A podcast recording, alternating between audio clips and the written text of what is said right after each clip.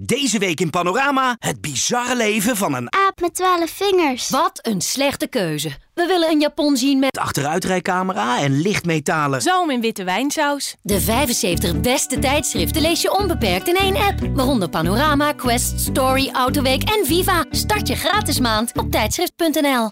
Iedere week op viva.nl en nu ook als podcast een erotisch verhaal opgebiecht door een Viva-lezeres. Deze week balletles. Haastig keek ik op naar mijn horloge. Ik deed mijn dochter haar jas en schoenen aan en tilde haar snel in de auto. Het was haar eerste balletles, dus ik kon het echt niet maken om te laten komen. Gauw keek ik in de achteruitkijkspiegel om mezelf te fatsoeneren, maar goed, daar was na deze hectische werkdag geen beginnen meer aan. Toen we arriveerden, kwamen de andere ouders alweer naar buiten. Oeps, de les was dus al begonnen. Zo hard als we beiden konden, liepen we naar de zaal. Mijn dochter was erg enthousiast en toen ze de andere kinderen en de grote spiegels zag, rende ze er meteen naartoe. Ik liep naar de balletleraar. Ik stelde me voor en verontschuldigde me voor het feit dat mijn dochter bij haar eerste les al te laat was. Hij knikte geruststellend en toen ik goed keek, besefte ik pas hoe ontzettend aantrekkelijk deze leraar was. Felblauwe ogen met een fonkeling erin en een gespierd postuur. Toen hij me gedag zei, keken zijn ogen mij zo diep aan dat ik er zenuwachtig en ongemakkelijk van werd. Eenmaal terug in de auto moest ik even op adem komen. Waarom ging dit gevoel mij zo aan? Deze man was woest aantrekkelijk, maar minstens tien jaar jonger dan ik.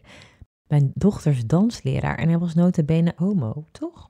Ik kreeg hem niet goed uit mijn hoofd.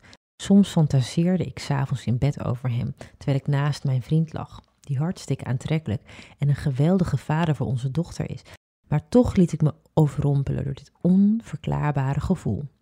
Iedere week had ik weer een knoop in mijn maag wanneer ik besefte dat het donderdag was en tijd was voor balletles.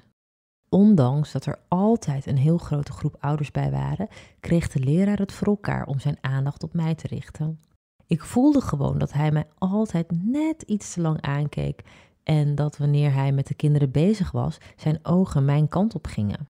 De spanning was wederzijds, maar de gedachte dat hij op mannen viel maakte het verwarrend. Bovendien ben ik ook nog eens getrouwd en ik heb een dochter en inderdaad het leeftijdsverschil. Of ik na de les even tijd had, vroeg hij op een dag aan mij, terwijl ik samen met de andere ouders stond te wachten. Tijd? Tijd waarvoor? vroeg ik mezelf af.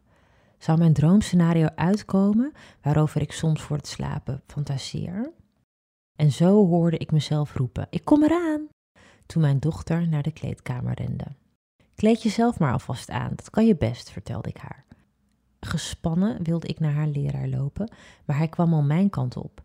Ik keek hem vragend aan, leunend tegen de muur, wachtend tot hij iets ging zeggen. Maar hij zei niets. De spanning liep op en ongecontroleerd gleden mijn ogen begeerig over zijn gespierde torso, dat goed te zien was in zijn strakke shirt. Een grijns verscheen op zijn lippen. Hij pakte mijn kin vast en voor ik het besefte, zonder ik het kon tegenhouden, voelde ik zijn jonge lippen op de mijne. Ik liet me volledig opgaan in het moment, voelde door zijn haar en liet zijn handen langzaam naar mijn borsten glijden. Tot ik na een paar tellen besefte waar ik in godsnaam mee bezig was. Ik duwde hem van me af. Buiten adem probeerde ik te protesteren. Ik vertelde hem dat ik getrouwd ben. Dit kan echt niet. Ik begreep er niets van. Bovendien, hij valt toch op mannen? Met een plagerig lachje keek hij me aan, weer die welbekende blik. Hij leunde met zijn grote handen boven mijn hoofd tegen de muur aan en verzekerde mij dat ik me niet zo druk moest maken, dat hij op mannen viel. Daar zei hij niets op, maar het antwoord was wel duidelijk toen ik zijn natte lippen weer speels op de mijne voelde.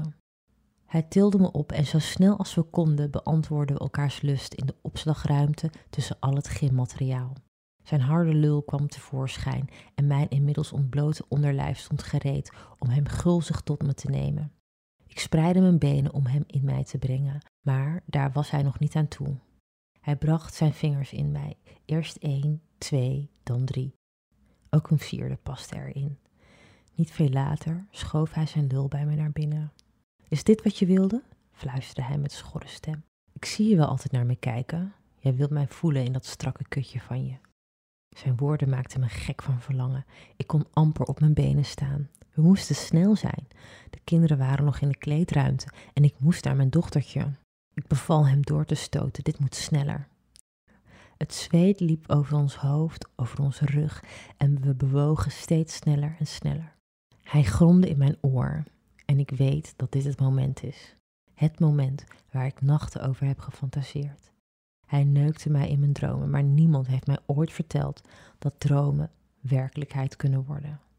Snel fatsoeneerden we ons en ik liep zo onopvallend mogelijk de opslagruimte uit. Buiten adem en totaal in shock van deze overheerlijke man. Ik weet dat dit niet kan, maar de balletlessen van mijn dochter hebben opeens een heel andere wending gekregen. Iedere donderdag weer. Wil jij ook je erotisch verhaal delen met de rest van Nederland?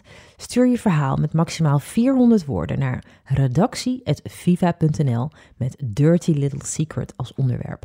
De beste verhalen publiceren we op viva.nl. Nu in Nieuwe Revue, zon, zee... En zoete aardappels met honingmosterd. Even opschuren en twee keer afvlakken met... Oom Donald, kwik, kwek. En een lekkere dikke Linda. De 75 beste tijdschriften lees je onbeperkt in één app. Waaronder Nieuwe Revue, Margriet, VT Wonen, Donald Duck en Linda. Start je gratis maand op tijdschrift.nl.